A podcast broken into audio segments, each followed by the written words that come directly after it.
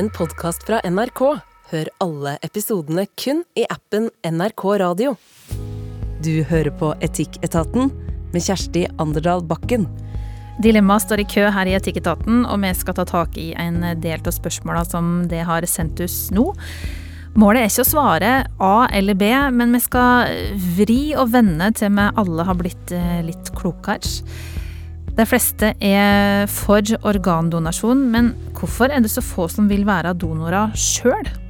Og er sutring en sunn måte å få ut frustrasjon på, eller er det dritt som du bør holde inne? Så får vi se om det er noen som innrømmer at de er sutrere her i panelet i dag. Irene Knunda Frie, kunstner og samfunnsdebattant. Ser du på deg sjøl som en optimist eller pessimist? Ja, det er et godt spørsmål, for jeg vet ikke hvor jeg skal plassere meg. Men eh, om jeg klager, ja da, selvfølgelig. Det gjør jeg. Det innrømmer du. Ja. ja. Um, og hvordan er det med det, Tore Petterson, foredragsholder, kjent TV-fjes, relasjonsterapeut har du også blitt. Hvor er du på skalaen? Optimist, pessimist? Eh, tidvis pessimist. Eh, mindre og mindre, vil jeg si. Ok, går, Jeg trodde det gikk i andre retningene med alder, men Ja, eh, man må jobbe mot vet du, når man blir en aldrende mann. Ja. Og ikke gå i den fella. ok, Så da gir du en innsats. Jeg skal være en blid mann 50. Og ved siden av det så sitter eh, psykolog Jan Ole Hesselberg, som òg mange har sett på TV, bl.a. i Folkeopplysningen. Er du en eh, som ser positivt eller negativt på verden? Ehm, Jeg heller nok eh, litt mot å se positivt eh, på ting. Eh, Men det er ingen tvil om at jeg også har mine eh, Ser litt dystrere på ting innimellom, eh, ja. Ja. Og for en kommentar til det Tore nevnte her, at man ser litt lystere på ting. Det er jo akkurat det trekket nevrotisisme eller engstelighet, det gir seg jo litt med årene, faktisk. Så, så kanskje er det en trend at vi ser bitte litt mer positivt på ting med årene. Se der, kan vi lære noe nytt allerede nå i Etikketaten. En ærlig gjeng som eh, innrømmer at til tider ser glasset som halvtomt. Det er et veldig bra utgangspunkt, fordi vi skal snart inn i et eh, dilemma fra en som er gift med en som ser ganske negativt på verden med jevne mellomrom. Og så skal vi òg prate om eh, skilsmissebarn. Bør en 50-50-fordeling mellom mor og far være normalen? Etikketaten krøllalfa nrk.no, det er e-postadressa vår hvis du har lyst til å sende oss et dilemma som vi bør eh, diskutere her. Vi har altså fått inn et dilemma til etikketaten krøllalfa nrk.no fra ei eh, frustrert frue. Hun skriver Jeg har en mann som aldri er fornøyd. For ikke lenge siden så fikk han ny jobb og høyere lønn, men eh, nå prater han om at han egentlig skulle hatt en enda bedre jobb og enda høyere lønn. Det er som han aldri kan tillate seg å være fornøyd. Moras er akkurat lik, spør du meg, og nå, gud hjelpe meg, så ser jeg de samme tendensene i sønnen min på tolv år. Nå kjenner jeg at jeg også har begynt å sutre, men jeg gjør det iallfall inni meg. Men eh, er det bedre? Hjelp!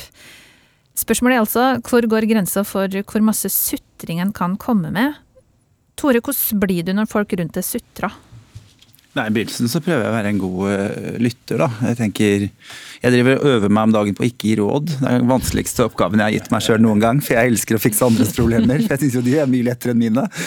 Uh, nei, jeg tror jeg er ganske tålmodig på, på sutring. Men det, det kommer til et punkt uh, hvor jeg sier at uh, nå har ikke jeg plass til mer. Og da handler det mer om meg egentlig enn om dem. At eh, hvis jeg står oppi mye sjøl, så syns jeg jeg synes jo det er veldig fint hvis folk kan liksom spørre hei, jeg trenger en søppelbøtte.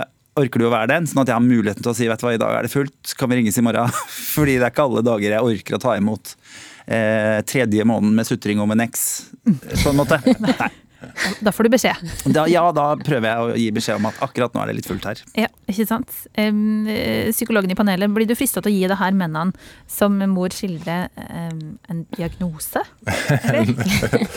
Nei, jeg gjør ikke det, altså. jeg gjør ikke det. Eh, og, og det er jo ingen diagnose som heter sutring. Eller kronisk sutring, det er det ikke. Eh, hvis det blir veldig, veldig veldig mye sutring eh, og man ikke tar noe korrekt, så kan det kalle det en personlighetsforstyrrelse, men det høres ikke ut som det er tilfellet her. For da har det gått ganske langt. Da har det ganske langt, og da er det en ganske sånn stor integrert del av eh, personligheten din, og i tillegg så skaper det problemer for deg. Eh, og det, dette her høres jo kanskje litt annerledes ut. Så ingen diagnose nå. Men har sutringa en funksjon for deg, tror du? Ja, altså Følelsene våre har jo grovt sett uh, alltid én av to funksjoner. og Det er enten å fortelle oss hva vi skal gjøre mer av, eller å fortelle oss hva vi skal gjøre mindre av. Uh, og, og sutring er et uttrykk for en eller annen form for misnøye. Så, så i dette tilfellet her så kan man jo kanskje se det som en slags sånn motivasjon for å strekke seg litt lenger. Eh, og også signalisere for omverdenen at man er eh, villig til å, å strekke seg litt lenger. Og det kan jo være bra, selvfølgelig. Eh, men, men, hvis man aldri kommer i mål og alltid er misfornøyd, så går det jo både på utover egen helse, men også andres, da, som, som er tydelig her at kanskje er det kona som reagerer før, før mannen gjør det selv. Så sånn evolusjonsmessig så kan det være de folka som på en måte driver verden litt framover også, da? Ja, altså hvis, hvis, man alltid er helt fornøyd med der man er, så gjør man jo ikke like mye for å eh, endre ting.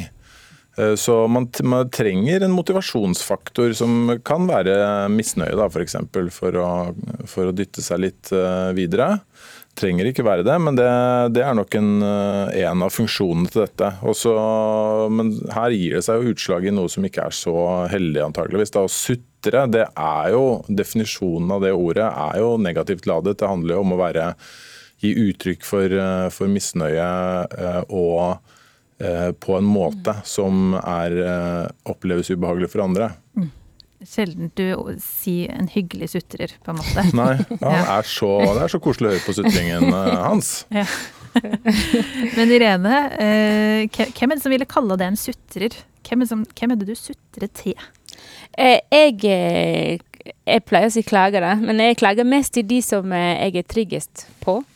Eh, for eksempel nå på mandag så hadde jeg et program på Litteraturhuset i Bergen. Dette handler om valg, så jeg lager video som er på YouTube om uh, valg.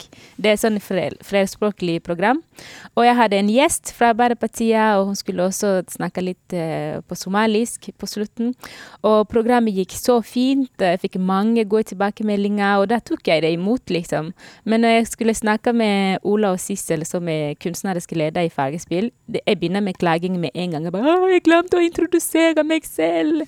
Uh, og jeg tror det uh, For meg så er det er de som lærte meg å være på scenen. Så det handler også om at jeg forventer at de kan gi meg sånne konstruktive tilbakemeldinger. Men det, jeg, jeg, måtte til og med si til meg 'OK, nå må du skjerpe meg', for det passer ikke akkurat da. At jeg kommer rett ifra scenen, og så skal de begynne å si 'ja, men vet du hva'. Det der var dårlig, og det der var ikke bra. Så ja, så jeg klager uansett til de jeg er tryggest. Så det er jo et lite kompliment å bli sutra til også, da? På et vis? For meg, ja Eller nei, det går kanskje grenser, ja. For meg så, som person så klager jeg ikke til uh, hvem som helst. Så eh, min mann hører meg klage mer enn alle andre. Mm. Ja. Men uh, kjenner du igjen det her, Tor, at det er noe fint med å være den som mottar klaging eller sutring også? Ja, det er det som er problemet. At jeg at jeg tar det som en kompliment. Føler at jeg er en trygg person. Uh, uten å kjenne etter hva er det jeg egentlig har behov for, og er dette for mye for meg? Uh, for det er klart at uh, når du går av scenen og du har masse kritiske ting til deg selv, så kan det være deilig å tø få tømt det etter noen, så blir man på en måte kvitt det. Den kan jeg se for meg. Men det som bekymrer meg her, er jo at denne mannen har altså Jeg hørte et ordtak en gang som var noe sånt som Jeg fikk en gave av mine barn, nei, mine foreldre visste ikke hva jeg skulle gjøre med den, så jeg ga den videre til mine barn. og her er det jo på en måte litt sånn at at mor er sånn, sønnen min begynner å bli sånn. Jeg ser, det jeg ser, da, er jo en mann som aldri har fått beskjed i sin oppvekst at han var god nok.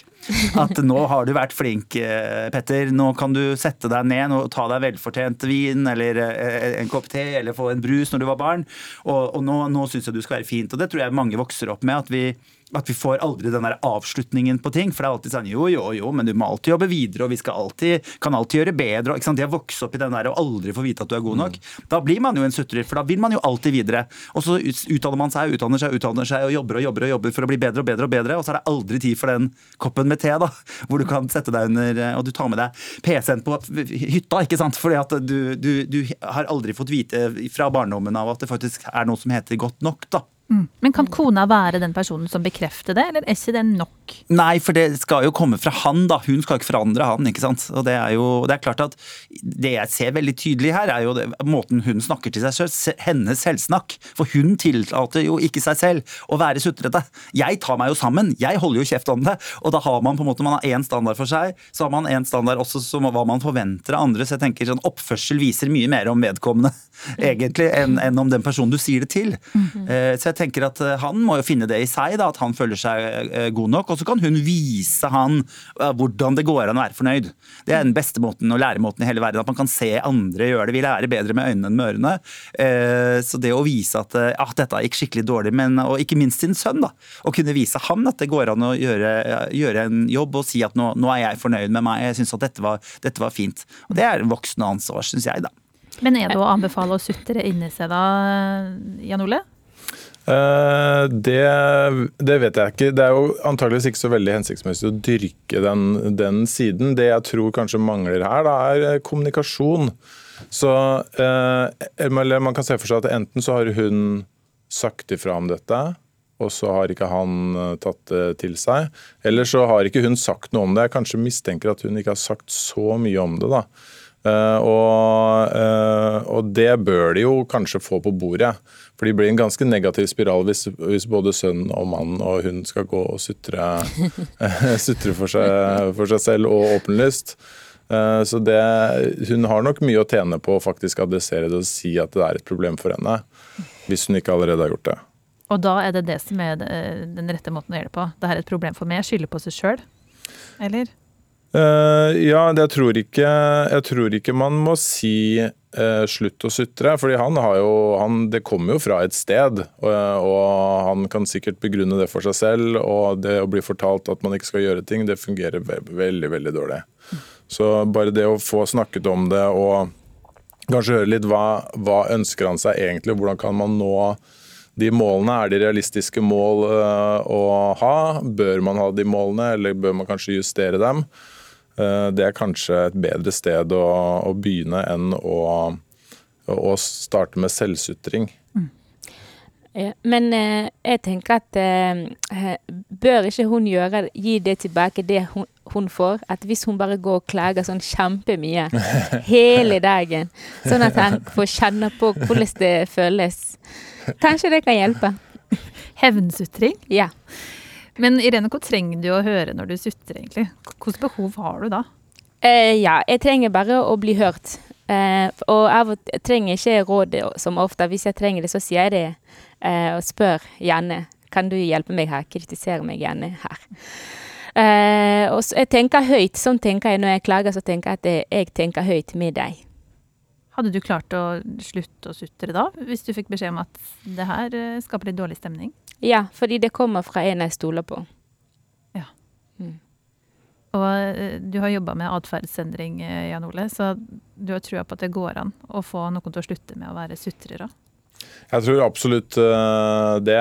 Og så er det jo litt forskjell på typen sutring. ikke sant? Om det er veldig fokus på eksterne faktorer, om det er, alt handler om det som skjer der ute som er, stopper mitt liv. Eller om det er en dose selvkritikk i det, sånn som, sånn som, du er inne på. Det er to litt forskjellige ting, da. Så, um, jeg, men jeg tror uansett at det er et potensial her for å for å dempe sutringen. Det høres ut som nivået er høyt. Ja, det gjør det. Det fins håp både for eh, far og sønn. Det var sikkert godt å høre for mor, kan jeg se for meg. Um, Tore Petterson, Irene Knunda Fria og Jan Ole Hesselberg. Uh, vi skal altså forlate sutringa nå, og så skal vi over til vårt neste dilemma her i Etikketaten i dag.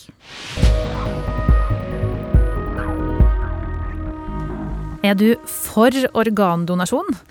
Det er du sikkert, men har du meldt det som organdonor? Trulig ikke. Organdonasjon det er nemlig noe mange er for, sånn i teorien, men ikke i praksis. Og vi spør hvorfor er det sånn? Det er jo da stor mangel på donorer her til lands. I fjor var det gjennomført 95 eh, organdonasjoner, og det er det lågeste tallet på ti år. Jeg tenker vi tar en liten sånn eh, håndsopprekning. Det funker jo veldig godt på radio. Hvem er organdonor her i panelet? Og da er det Jan Ole og Tore som rekker opp hånda. Irene flakker med blikket, har ikke, ikke meldt seg. Irene, hvor, hvorfor har du ikke det? Jeg er problemet. Eh, nei, det er bare fordi jeg, jeg, jeg føler ikke at jeg eh, kan klare det. Jeg, jeg er sånn som går og tror at jeg skal dø hele tiden. Så hvis i tillegg til det begynner å ha, være med på sånt Ja, jeg vet ikke hvordan jeg, jeg skal klare det. det går ikke. Du orker ikke tanken. Ja, jeg klarer ikke tanken engang, så Ja. Hvorfor meldte du deg som organdonor da, Jan Ole? Eh, jeg, det, jeg vet ikke om det var noen spesiell grunn til det. Bare har alltid føltes eh, som det riktige å gjøre. Og så har jeg forsøkt å se for meg eh, Jeg kjenner jo på de følelsene. Selv om jeg er ateist på min hals, så, så kjenner jeg jo at bare tanken på at noen skal grave i kroppen min, det vekker noe, det vekker noe i meg. Som, det vekker et ubehag. Men så har jeg forsøkt å se for meg eh, hvor er det det ubehaget kommer fra. Hvordan, hvordan skal jeg begrunne det ubehaget, og det sliter jeg ganske mye med. da. Uh, og i tillegg, når man ser for seg, hvis man ser for seg den personen foran en da, som kanskje trenger en eh, nyre eller en lever f.eks., uh, så blir det veldig vanskelig å argumentere overfor den personen, denne fiktive personen. Da, hvis man ser for seg en ekte person står foran en og, og spør, spør om kan jeg få det av deg etter at du er, er død veldig vanskelig å, eh, å forklare hvorfor jeg ikke skulle gjøre det. Så det var kanskje det som dyttet meg i den retningen, og det gjorde jeg da jeg var 18. Såpass tidlig, ja. Eh, Tore, hva var det som gjorde at du meldte det? Nei, Først og fremst tror jeg det var fordi jeg var inne på et apotek, og der var det en sånn ta denne lappen hvis du vil bli donor. Eh, Og da kunne jeg ta en liten sånn klistremerke, og så kunne jeg ha den på bankkortet mitt. Og så syns jeg det var litt sånn Åh, jeg skulle ønske at det var liksom en større ting når jeg først skulle gjøre det. Så jeg har gått inn på nettet og jeg har meldt meg opp der. og eh, gjort sånn, jeg måtte fortsatt ikke bruke noe bank-ID. Altså jeg, jeg ville at dette skulle være en mye større happening når jeg først gjorde det. Fordi det også er så innmari viktig for meg. Jeg tenker jo litt som eh, gjøres ved siden av meg her òg, at eh, hvis noe jeg har kan redde et barn, altså hvis, hvis noe barnet ditt har kan redde et barn, når, når det livet allikevel er over, på en måte, så, så er jo det helt fantastisk. For en enorm gave å få lov til å gi. At, at det å bøte med livet gir noen andre et liv. da. Jeg snakket med min familie om det, og overraskende nok sa alle sånn ja, ja, selvfølgelig. Og det var jeg veldig glad for, da. Var det ikke bare jeg som, som var der. Men uh, å stå foran noen som trenger det, og si sånn nei, ikke snakk om at du skal ha noe av meg, men jeg vil gjerne ha! Hvis jeg blir sjuk, ikke sant. Jeg vil gjerne at Da skal jo hele verden stå og bare vente på å gi meg et organ, men jeg har ikke lyst til å gi noe videre. Det, ja, det syns jeg er vanskelig. Og det er jo ikke så vanskelig å bli det, som, som du sier. Altså, det er å registrere seg på donor.no, eller eh, prate med familien din om at du har lyst til å bli organdonor. Og det er fra det året du har fylt 16 at du bestemmer sjøl om du vil bli det. Men eh, det som er at Selv om en har meldt seg som organdonor, da, så kan en som pårørende fortsatt få det her dilemmaet i eh, fanget. Fordi sykehuset tar ofte forbehold om at opplysningene som de har, kan være feil, eh, utdatert, eller de kan være utilgjengelige for deg. Så mange får da spørsmålet kan vi ta ut noen organer fra kroppen til den du kjenner som nylig har dødd. Um, og det er jo selvsagt et helt absurd spørsmål, men Irene, hva ville du gjort i en sånn situasjon? Jeg tror jeg hadde gjort det. Eh, fordi de er jo allerede døde, og hvis det kan redde et liv, selvfølgelig. Eh, så fordi for meg det eneste grunn jeg er ikke organdonor, det er bare fordi jeg, jeg har sånn jeg, tenker, jeg tror jeg tenker litt for mye på døden enn eh, de fleste gjør. Og jeg tror ikke det vil hjelpe meg hvis jeg går og tenker på det. Det kommer ikke til å hjelpe meg. Jeg klarer ikke å se hvordan det kan hjelpe meg eh, i den situasjonen jeg er nå. Men hvis det hadde falt på min fang, og jeg må ta den avgjørelsen, så ser jeg for meg at jeg hadde gått for det. Hvorfor ikke? Så det er ikke det at du vil gå i grava som et komplett menneske? Nei, det er ikke så viktig for meg. Det er ikke så viktig. Men er du enig i det Tore sier, at hvis du vil få, så må du også ville gi? Eh, Ja, det er selvfølgelig. Det har vært veldig rart. Jeg, tror- jeg, vet- ikke om det finnes sånne mennesker som virkelig går og tenker og at uh, gi meg, men jeg skal ikke gi. Men uh, hvis det finnes, så er det veldig, veldig rart. Ja. Men er det så problemfritt å skulle tenke seg å gi noen organ, Tore? Eller kjenner du at det liksom lugger litt i det?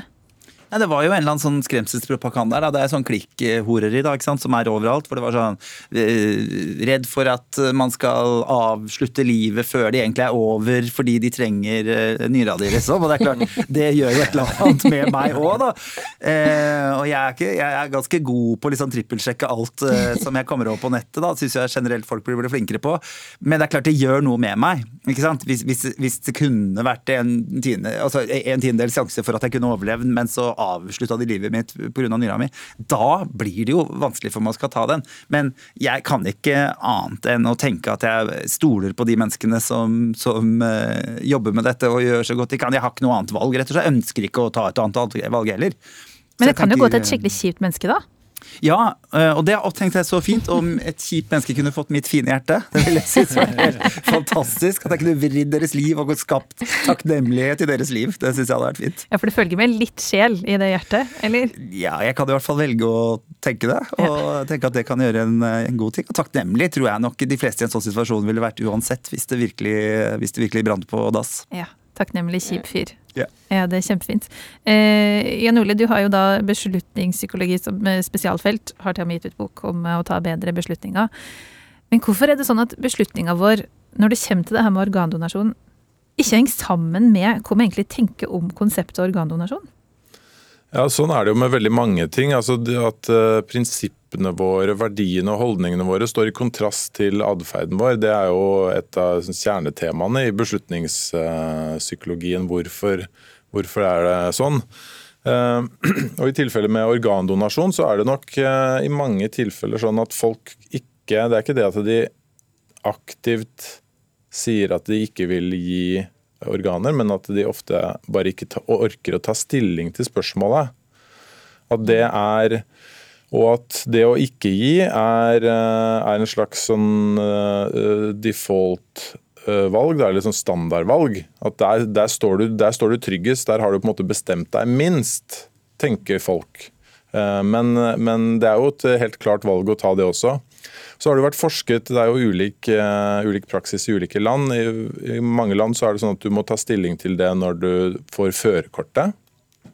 Uh, og i noen land så må du uh, aktivt velge å bli organdonor, og i andre land så må du aktivt velge å ikke være det. Så, så det, er helt, det, er akkurat samme valget, men du må, du må på en måte enten velge deg bort fra det eller inn i det. Eh, og Det har det vært masse diskusjon om i, i, forskningen. og I fjor så kom det en artikkel som så på forskjellen mellom landene. Er det, I hvilken grad påvirker det hvor mange som faktisk ender opp med å donere? Uh, og Det er veldig liten sammenheng mellom de to strategiene, faktisk. Uh, før trodde man at det var en mye sterkere sammenheng, men det, det er det ikke. Altså På så, den måten at det blir ikke flere organdonorer av at du må melde det av?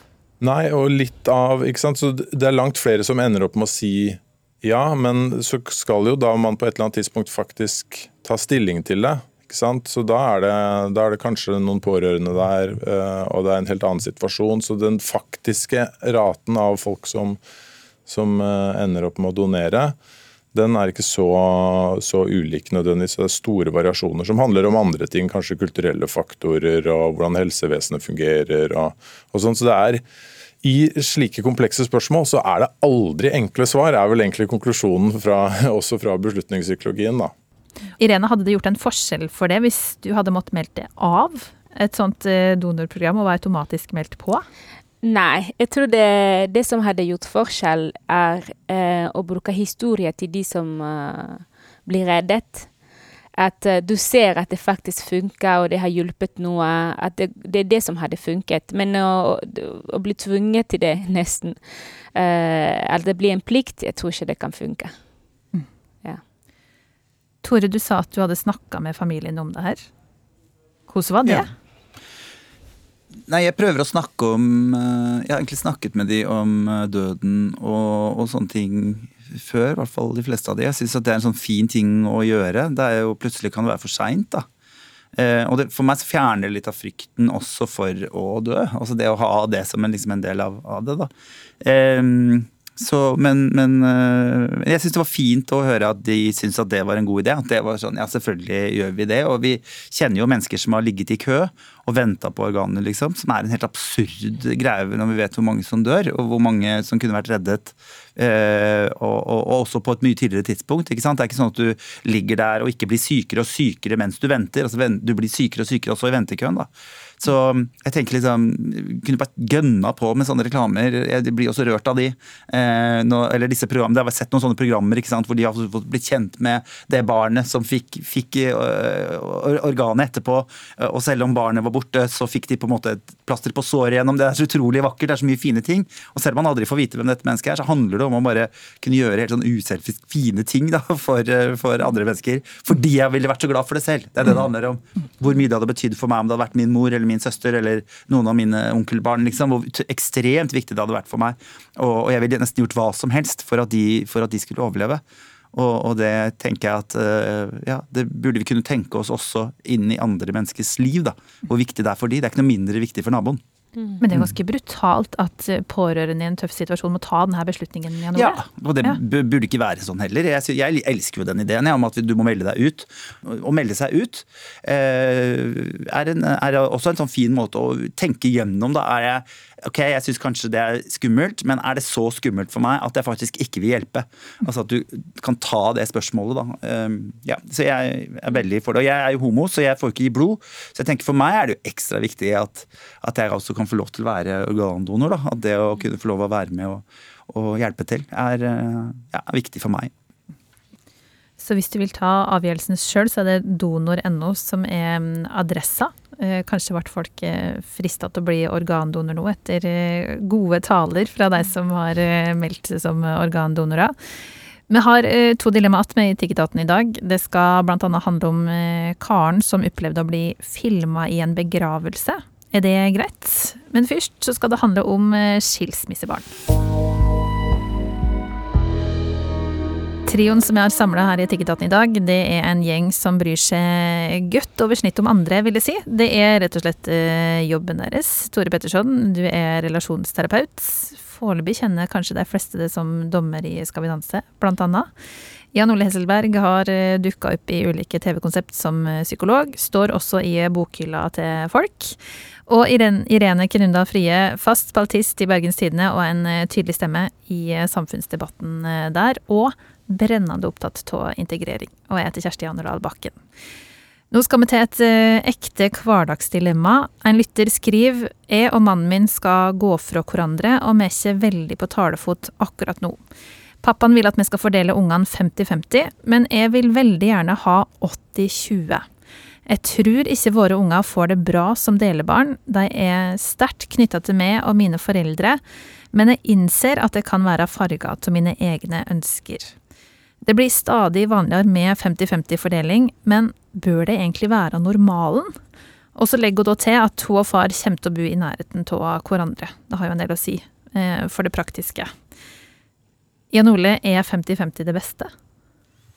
Eh, det spørs litt hva målet er. Eh, og hvis, hvis, man tar to skritt tilbake og forsøker å tenke hva, hva skal målsetningen med den delingen være, så tror jeg at eh, de fleste vil tenke at det handler om de involverte menneskenes ve og vel. Eh, og at kanskje barnas ve og vel er det som teller aller mest. Eh, og da, hvis man, hvis man tar utgangspunkt i det, så er det jo underlig om fem, nøyaktig 50-50 skal være det som, det som er det aller beste for alle parter. Eh, og kanskje da spesielt eh, for barna. Man kunne sett for seg en, en sånn magisk situasjon hvor, eh, hvor, barna kunne ha bestemt fordelingen selv, uten at foreldrene fikk det med seg. Så uten at det var noen konsekvenser av det for barnas del. Da. Ja. Eh, og da tror ikke jeg at eh, man hadde endt opp med 50-50 like ofte. Eh, absolutt ikke. Men vi lever jo en eh, litt annen eh, hverdag. Eh, foreldrene får vite hva barn ønsker seg hvis de blir spurt om det. Eh, og da, da tror jeg at vi kanskje har landet på 50-50 som litt, den mest praktiske løsningen, som skaper minst konflikt i den beslutningssituasjonen. Eh, så, så svaret må vel være at antageligvis er ikke 50-50 det nødvendigvis det ideelle, men kanskje det praktisk beste. beste. Mm. Um, Tore, hvor tenker du krefst for å få en snill og barnevennlig skilsmisse, og, og ikke minst deling til unger? God kommunikasjon. Jeg tenker jo her er det to voksne barn eh, som har fått barn, eh, og som setter sine såra følelser først. Eh, som er, som er eh, vanskelig, da. Sissel Gran kaller det så fint å pynte grava. Eh, det å kunne snakke gjennom ting, da. Eventuelt gå til en terapeut og få snakket ut om sine vanskelige følelser. Hva handler dette om for meg? Er som, hvor er det skoen trykker? For jeg syns det er barna først, da. Jeg syns at det er det er barna som skal, som skal uh, tas vare på her. De er helt avhengig av sine foreldre. 100% avhengig av sine foreldre, at de tar gode valg for dem. Og jeg tenker at en 20-80-60-40 kan fungere helt fint hvis du ser at barna helt klart blir trygge, men hvis det skal være en, en kamp mellom foreldre, Eh, og nå er det ikke så lenge siden jeg leste også om at det vanskelige for skilsmissebarn er jo at de aldri får utbrudd, sånn som andre barn får. ikke sant? De kan være fly forbanna, kaste glass, de kan være eh, helt sånn gærne sammen med mamma og pappa, og så mamma og pappa bare takler det. Og de får lov til å få ut sin frustrasjon og få respekt for de følelsene også. Mens i en skilsmissesituasjon så er de, på måte, er de hos offeret på begge sider av saken. Da. Så når, er, når, de er hos mamma, så er det synd på henne, når det er hos pappa, så er det synd på han. Eh, og de er jo veldig sånn tro da, mot sine foreldre uansett hva de gjør med dem, liksom. Mm. Så jeg tenker at her er det jo et voksent, eh, et voksenproblem, hvor man med sine uarbeida følelser på en måte eh, tar med det inn i beslutningen om hva som er best for barnet. Og at, at de som voksenpersoner klarer å ta, ta, det voksne ansvaret det er å ha barn. Eh, litt brutalt, syns jeg, men jeg syns også at det er veldig viktig å minne foreldre på det. Da, at de har, de har 100% ansvar for at barnet er trygt og har det godt. Og at det ikke skal være hennes behov for å være med barnet, men hva er det barnet har behov for. for menn eh, kommer jo i andre rekke alltid i sånne typer saker, ofte opplever jeg at de må bli mindre prioritert i en, en, sånn at det er alltid mor som er best å være hos. Eh, og Det tenker jeg, det er ikke nødvendigvis alltid riktig. Og, og mange som vokser opp med et, et, eh, fjernt og avstandsforhold til sin far da, fordi mor hadde behov for å ha barna hos seg. Og så velger man 50-50 fordi det er lettest. Da slipper vi å krangle, da slipper vi å komme borti alle disse vonde tinga. Og det må vi som voksne takle å stå i vonde ting ass. for at barnet skal ha det godt. da. Men jeg eh, er jo sjøl et skilsmissebarn. Bodde en del år 50-50 og mor og far. Og syns jo også at den brøken var liksom god for meg. Eh, fordi da slapp jeg også å ta noe valg. Fordi det kan jo på en måte føles som at altså En er utrolig lojal som unge, da. Mm. Han har jo ikke lyst til å Eller jeg hadde i hvert fall ikke lyst til å ta et valg mellom mor og far, for det føltes uh, veldig, veldig feil. Um, men Irene, du har vokst opp i Kongo. Mm. Hvordan brøken hos skilsmissebarn der? Nei, vi skilles ikke. Så greit. ja, det er faktisk ikke vanlig med skilsmisse. Det skal mye til at man skiller seg i Kongo. Fordi ja, det, det, man, det, er ikke bare to som gifter seg, det er hele to familier som eh, forenes, hvis det er det det heter. Og um, så når man har problemer, så, kommer, så sitter familien ned og snakker om problemene og prøver å fikse det. Så det, det, skal virkelig veldig, veldig mye til for å skille seg. Men hvis et forhold er skikkelig dritt, er ikke det beste løsninga da? Jo da, det kan skje, men det skal bare Det bare Her i Norge det, det, det er et personlig valg, på en måte. Du må ikke forklare deg i retten heller hvorfor du skiller deg, eller til noen. Mens i Kongo, ja, folk prøver å hjelpe, på en måte. Mm. Mm. Tenker du at man har litt å lære av det? Jeg pleier alltid å tenke at uh, vi kan alltid lære av hverandre. Det er så mye fint med det kongolesiske kultur, akkurat som det er også mye fint med det norske. Jeg merker selv at jeg lever jo i disse to kulturer, så jeg har valgt de beste. Jeg er norsk når det passer meg, og kongoleser når det passer. ja. Godt, godt, å kunne ta med seg litt flere kulturer inn. Ja, absolutt, ja. Og så få med satt ting litt i perspektiv med også. Mm. Og hun som har skrevet Intus, skriver jo da at hun innser at hun kan være farga av egne ønsker. Mm. Hvordan kan en unngå å bli farga av eget syn på saken, Jan Ole? Det er jo, I de situasjonene så står man jo og ser veldig på sine egne behov. Jo, eller de fleste gjør det. Da er det høyt trykk, og fokuset er rettet eh, mot en selv i mange, mange tilfeller iallfall. Det handler jo om å, å kanskje gi det litt eh, tid og løfte blikket og forsøke å tenke stort på hvordan man ønsker at ting skal være langt fram i tid. Da. For man er jo stort sett avhengig av å ha en relasjon til den andre parten, og barna som også må ha en relasjon til den andre parten, i mange år framover. Så det å, å forsøke å tenke på hvordan man vil ha det om fem år, og ikke akkurat her og nå, Eh, og hvor viktig den tingen man står og krangler om akkurat i det ene øyeblikket vil være om eh, fem år, det tror jeg er nyttig. Eh, et nyttig perspektiv å ta.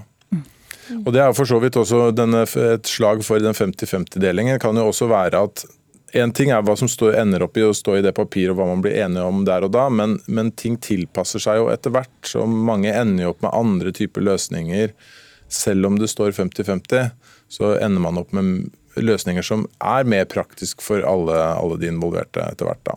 Mm. Hvordan skal en klare å være voksen, Irene, i en sånn situasjon? Nei, det er sikkert ikke lett. Eh, men jeg tror 50-50 eh, høres veldig bra ut. Eh, men det høres også veldig stressende ut for barna nå satt jeg bare og tenker hvis jeg skulle ha skilt meg, så tenker jeg 50-50 når barna må flytte ut og hver uke. Det er så mye stress at uh, jeg tror for meg den voksne ting å gjøre er å la barna bo hjemme, og så kan heller meg og min mann flytte ut. Og så flytter vi inn. det er sikkert dyrt, men det er det som jeg tror er best for barna. Mm. Så kanskje hun kan gjøre det da. Hun er ikke farget av uh, det er altså en oppvekst i bag, det kan jeg bare si, når du er 50-50 barn. Du får mm. aldri pakka ut av den bagen, og fotballskoa ligger ofte i feil hus når du trenger deg. Um, men det er også sånn at uh, det er ganske mange unger som har to hjemme, da, 43% faktisk, ifølge SSB, så det er ganske høye tall. Um, men hvis du har delt ansvar, da, så må du jo svelge ganske mange kameler. Og så er det sånn at uh, en rapport fra SSB viser at uh, foreldre som delte arbeidet med ungene likt mens de bodde hjemme uh, sammen, de har oftere delt bostad enn foreldre som ikke delte arbeidet likt. Så det var liksom en likestilling i utgangspunktet, da, før du fikk denne 50-50-brøken. Kan det være en test, Tore, på om 50-50 er det rette? At begge tok ansvar? Uh, ja, det kan det jo være. Uh, men jeg tenker det er liksom viktig å se an situasjonen. Det er liksom vanskelig å ta en sånn, svare sånn Ja, dette syns jeg vi skal gjøre. uh, for alle, finne ett svar ja, som fungerer for alle. Mm. Det å, å, teste det ut litt, prøve. høre med barnet, snakke med barnet. Barnet er jo et menneske med ord, og de, om de ikke nødvendigvis kommuniserer så mye med mange ord, så, så er det ganske lett allikevel å se hvordan de hvordan de har det. da. Mm. Eh, og underveis liksom kunne si at eh, er du stressa, er, blir du stressa av dette, kan vi gjøre om på dette? Og så er det jo ikke sånn at det vi gjør nå skal vare livet ut. er det det? Det er jo liksom, Kan vi ikke prøve dette et halvt år, og så ser vi at det ikke funker, så kan vi gjøre om litt på det. Og så kommer det til et tidspunkt hvor de sier nei, jeg lurer på om jeg har lyst til å bo mer hos mamma. og så tenker du, Så fint!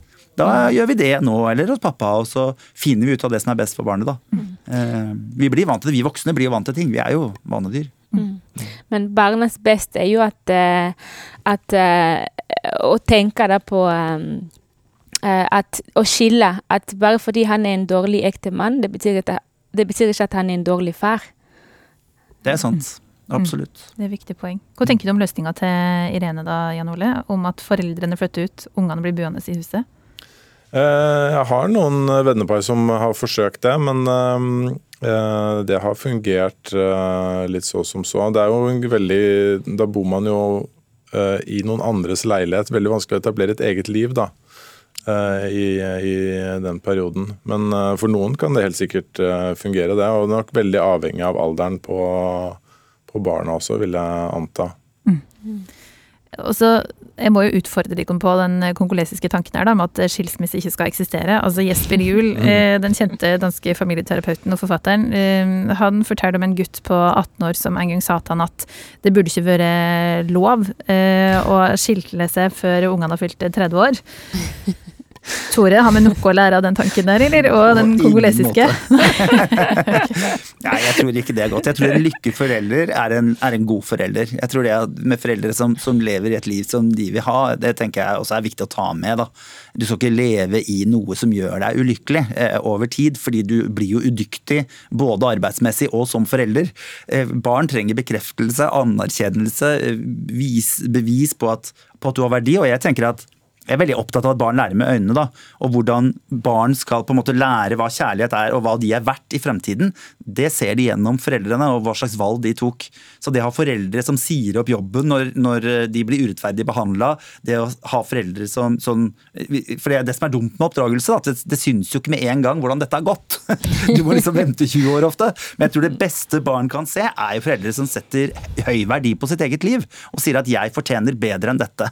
Og, og, og det jeg jeg ønsker ikke å lære noen rundt meg at jeg skal godta og godta og godta, og godta, bli behandla dårlig, tråkka på, eh, leve ulykkelig, ha lite energi eh, til å kunne gi til, til, de menneskene som er rundt meg. Så jeg tenker gode ting kommer av, av, av gode liv, da.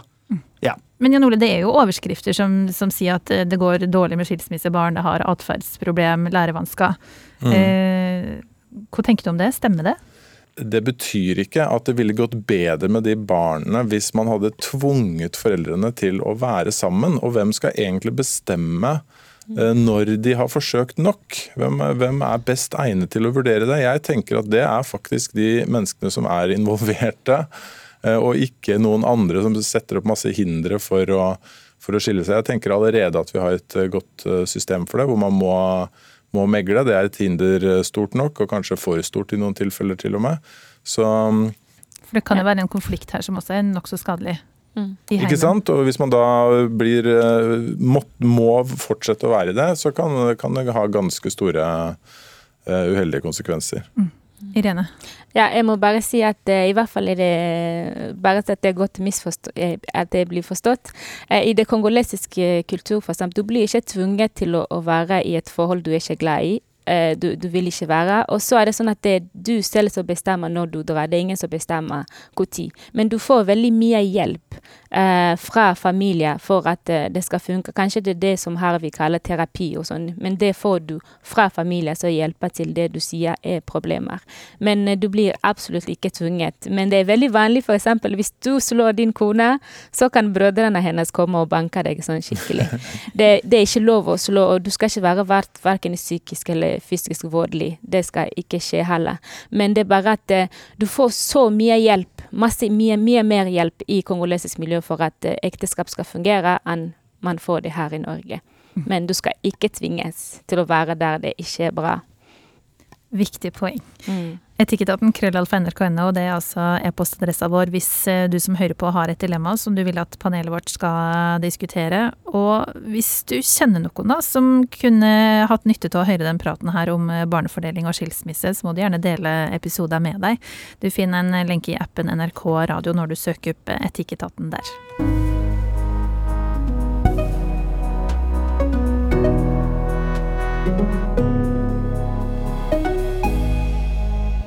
Terskelen for å dra fram mobilen den blir eh, stadig lavere, men eh, nå skal det handle om å bli filma når du ikke ønsker det.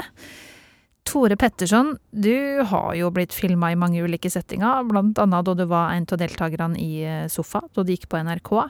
Men Og så har du egen mobil stappfull med bilder og videoer også, eller?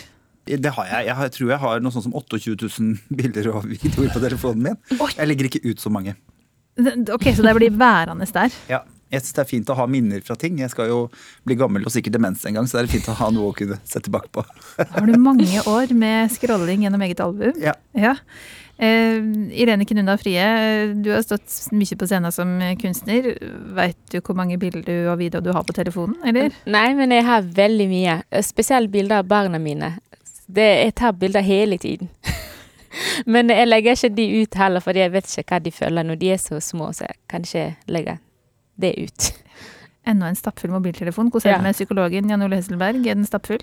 Ja, det er den eh, faktisk. Og jeg har jo skannet alle gamle bilder også, som jeg også har på mobiltelefonen. Så det er fantastisk eh, bra ting å ha når du er ute på byen f.eks. Og så møter du tilfeldigvis gamle kjente, så kan du bla fram eh, eldgamle bilder fra tidlig 90-tallet. Eh, Jeg glemmer aldri hvordan det ser ut. jeg. Alltid et bevis å trekke frem. Eh, Da får vi se da om hva de kan si om det som eh, Karen opplevde. Hun skriver også til etikketaten krøllalfa nrk.no om en begravelse der en relativt eh, perifer gjest begynte å filme. Og Karen hun reagerte spesielt på at hun filma at de bar ut kista. Etterpå så hadde vedkommende til og med delt og sendt opptaket videre til andre. Og Karen skriver også at det er uhøflig, og jeg kjente meg nærmest invadert. Jeg har lyst til å ha sorga mi i fred. Men når de har fortalt om det her til andre, så sier de at det er ikke noen stor sak. Så hun lurer da på om hun eh, overreagerer. Gjør hun det, Tore? Jeg syns ikke at hun gjør det, eh, men jeg opplever den saken litt sånn tapt. Fordi jeg blir jo kjempeirritert av folk som Jeg har noen eh, venner som sender hele filmer på Snap, eksempel. Nei, hele konserter på Snap. eh, Og så skriver de ikke hvem de er, og så er det sånn veldig sånn støyete lyd. Så jeg får ikke med meg hvem det er som spiller, for de syns det er så viktig at jeg får med meg konserten med et band jeg ikke har hørt om. Så, så jeg føler på en måte at den situasjonen er litt sånn tapt. Jeg var en periode hvor jeg tok mye bilder og var veldig på og filma mye ting, for jeg tenkte sånn, det er jo fint å ha. Men så har jeg blitt tatt litt sånn tilbake, det har blitt litt sånn mye for meg. At folk skal liksom dele alt mulig, og at alle andre skal være med på det vi, vi opplever. da. Jeg syns det er helt horribelt å filme en begravelse. Jeg syns det er en sorgsituasjon. Jeg har ikke lyst til å Det det gjør meg ingenting at folk ser meg grine, men det er noe med å liksom kunne få lov til å ha det øyeblikket litt for seg selv. da. Folk opplever jo det. Så du hadde syntes det var horribelt, men du hadde ikke klikka på tante Gerd som sto der med telefonen? Nei, jeg hadde ikke det, men jeg hadde støtta, jeg hadde støtta følelsen som eh, denne personen som skriver inn, har. Jeg ville ikke sagt sånn det er ikke noe å bry seg om. Jeg er helt enig, men jeg har andre ting som er viktigere for meg, da. Hva sier du, Irene? Hva er innafor å filme i en begravelse? Eh, nei, det, det virker også feil, så jeg er med på alt det du sier der. Det, det, det er sorg. Noen steder trenger vi ikke å filme. Vi trenger ikke minne om det engang. ja, det går fint uten å filme. Men hadde du sagt ifra til den som filma da? Ja. Jeg Ja. er såpass skamløs. Jeg hadde sagt at nå, det passer litt dårlig nå. Og bedt personen slette? Eller? Nei, jeg trenger ikke å slette, men de må stoppe med en gang. Ja. Ja. Mm. Hvor, hvor, tenker du om å ha sorga si i fred, eh, Jan Ole? Uh, ja, det er jo et veldig individuelt spørsmål, men jeg tenker jo Jeg føler jo med Karen her, og, og tror jo de fleste vil tenke at, uh, at det er litt over kanten. Men som, som Tore er inne på, at det kanskje også er en uh, tapt sak, da. Eh, det, det som gjør det ut, spesielt utfordrende her, er kanskje at det er en, en veldig sårbar situasjon. Da man, når man bærer kisten ut, så er det jo gjerne personer som har en spesiell relasjon også, som er, er med på det. Så, øh, og det å fange de i en så sårbar situasjon er, øh, er nok noe som mange vil kjenne på som problematisk. Og jeg tenker jo kanskje at det er ikke gitt at det er helt øh, tapt heller. Jeg, vi Eh, da man startet med Facebook, så var det ganske mange bilder av barn som ble publisert eh, av stolte foreldre. Eh, Den frekvensen føler jeg er liksom på vei ned nå. Jeg vet ikke om, helt om det stemmer, men, eh, men eh, det er ganske mange som, eh, som toner ned eh, eh, altså eksponeringen av sine egne barn, og noen ganger så legger man på en liten sticker for å, for å skjerme dem. Så kanskje er det en viss sånn oppdragelse i det, og at det kanskje er et generasjonsskille også. I hvert fall i de situasjonene der, da. Jeg vet ikke, jeg håper det. Hvem ser du for deg at det er filmeren? Jeg, I denne situasjonen så ser jeg kanskje for meg at det er en sånn middelaldrende eller eldre person.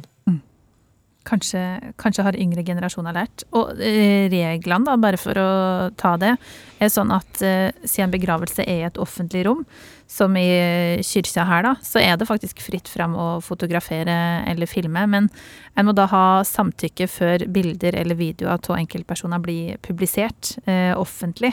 Det er regelen. Eh, Men eh, Irene, burde det vært et forbud mot å filme i begravelse? Nei det, det må ikke det. Men eh, selv om det er lov, det betyr ikke at man må gjøre det.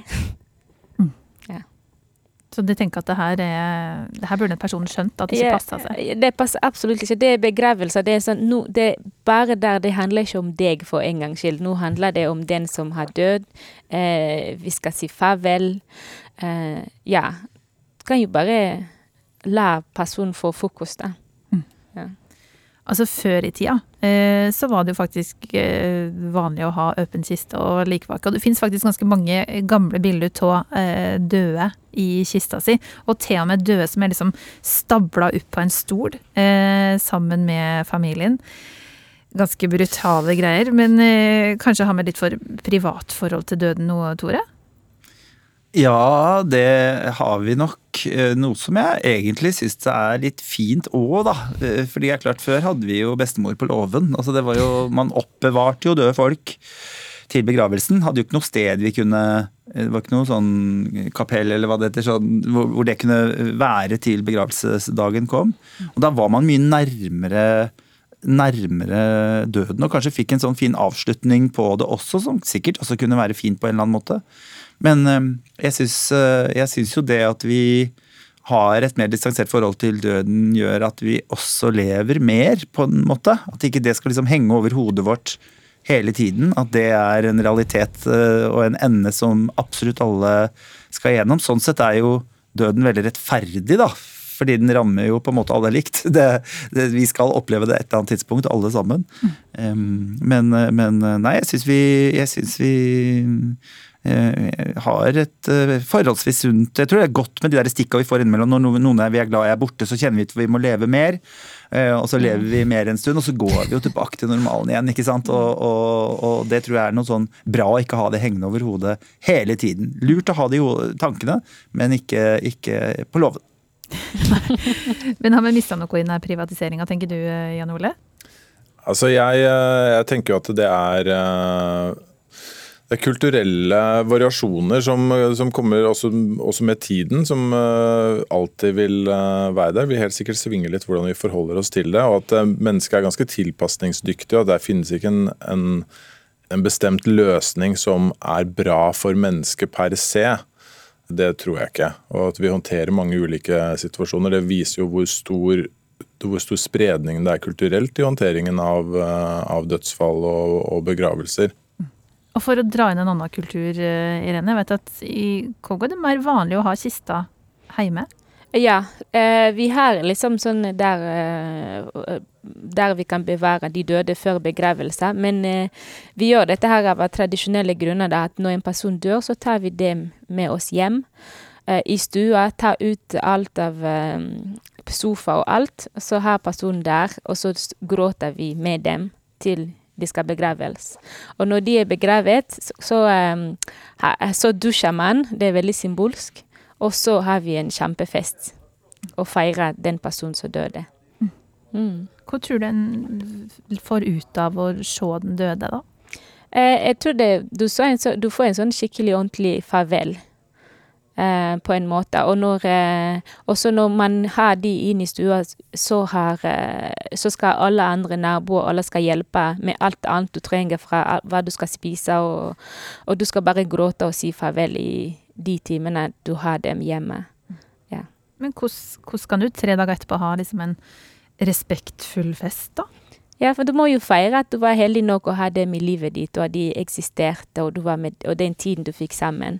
Så de må feires. Så det, de, de, de, de er ikke bare døde, de er jo litt mer De levde med oss. Mm. Så det er en fest med liksom den, den døde i, i tankene? Ja. Det, det, da er den døden i fokus. Så vi har en kjempefest, masse mat, gjerne også det den døde likte. Det kan vi spise eller drikke. Så det blir liksom, ja Feire den personen. Men blir det tatt bilde av den døde? Eh, nå er det begynt å bli vanlig takket være mobiltelefoner og eh, folk som eh, reiser ut. Så jeg har jo fått bilder Jeg klarer ikke å se og video fra begravelser fordi vi er ikke der og da. Sånn, ja, se her. Men jeg vet ikke. Jeg, av og til det, det er vanskelig å se. Jeg klarer ikke Jeg trenger ikke å se det, egentlig. Men når vi er inne på eh, det her med å ta bilder rundt folk som er døde altså Det var jo en eh, mye omtalt eh, selfie for en måneds tid siden med Infantino, Fifa-presidenten, som var i Pelé sin begravelse, altså fotballegenden. Og så får han spørsmål om å bli med på en selfie. Han takker ja, og smiler et par meter typ fra kista til Pelé. Hva tenker du om selfie-begravelse, Tore? ja, jeg syns jo Hva skal jeg si? Eh, hadde jeg blitt spurt om det, hadde jeg sikkert også sagt ja. Det handler jo mer om det mennesket som spør, og ikke noe annet. Eh, men det er en vanskelig situasjon, det der. da, ikke sant? Man skal jo på en måte være trist, eh, samtidig som man har kanskje litt lyst til å være fin på det bildet. Altså. Så nei, jeg syns det er et rart sted å be om en selfie. Det er liksom helt feil helt feil setting. Det er jo ikke det det handler om, på en måte. Eh, men, men du hadde sagt ja? Ja, altså hvis det hadde kommet noen bort liksom ja. Nei, jeg, jeg veit ikke. Det er litt vanskelig å svare på. fordi i en sånn setting så er man litt kaotisk også. Eh, så det kan godt hende jeg hadde sagt nei, men jeg pleier som oftest å være veldig hyggelig på det. da, Og si mm. sånn Det kan vi sikkert ordne. Men jeg, jeg, jeg tror kanskje ville sagt kan vi gjøre det etterpå. Kan, du, kan du finne meg når vi ikke står en meter fra fra kista. Det, ja, det tror jeg. Jeg ville kjent at det var ubehagelig, ikke minst respektløst for, eh, for det mennesket. Nå handler det om, handler det om den. Stussa du på selfien eh, sjøl, Jan Ole? Ja, jeg gjorde, jeg gjorde, det. Eh, og det er en blanding av flere ting, selvfølgelig. Men det ene er jo at det er Infantino som har gjort andre ting også som kanskje ikke faller i smak hos alle. Men også at det signaliserer jo det er ikke bare det at det, humøret ikke matcher situasjonen, men det signaliserer jo også at, at han opplever seg selv som litt Hva han gjør og føler i den situasjonen er viktigere enn en settingen som helhet. Så det er noe litt sånn signaliserer en egoisme og kanskje en narsissisme som trenger ikke være sant, men, men, det er kanskje det folk plukker opp, da, som ikke er helt heldige. Men Karen får iallfall eh, full støtte for eh, at eh, hun reagerte at hun ble filma da hun bar ut denne kista, sjøl om jeg får se om trenden går i den retningen som Tore spår, at det her er en eh, tapt sak. Men å dele det er nå i hvert fall ikke, ikke greit. Og der var vi gjennom fire dilemmaer her i Etikketaten i dag. Sutring, organdonasjon, skilsmissebarn, og så helt til slutt da begravelsen. Og gjengen her, det var altså Jan Ole Hesselberg, eh, psykolog, og jobba i stiftelsen eh, DAM, som deler ut midler til ulike organisasjoner, og aktuell med boka Bedre beslutninger. Tore Petterson, nokså nyutdanna relasjonsterapeut, foredragsholder og stadig sett i ulike TV-program. Og Irene Knunna Frie, mye sett på scenen som kunstner. Du jobber i organisasjonen Fargespill, og er også å se i aviser som skribent.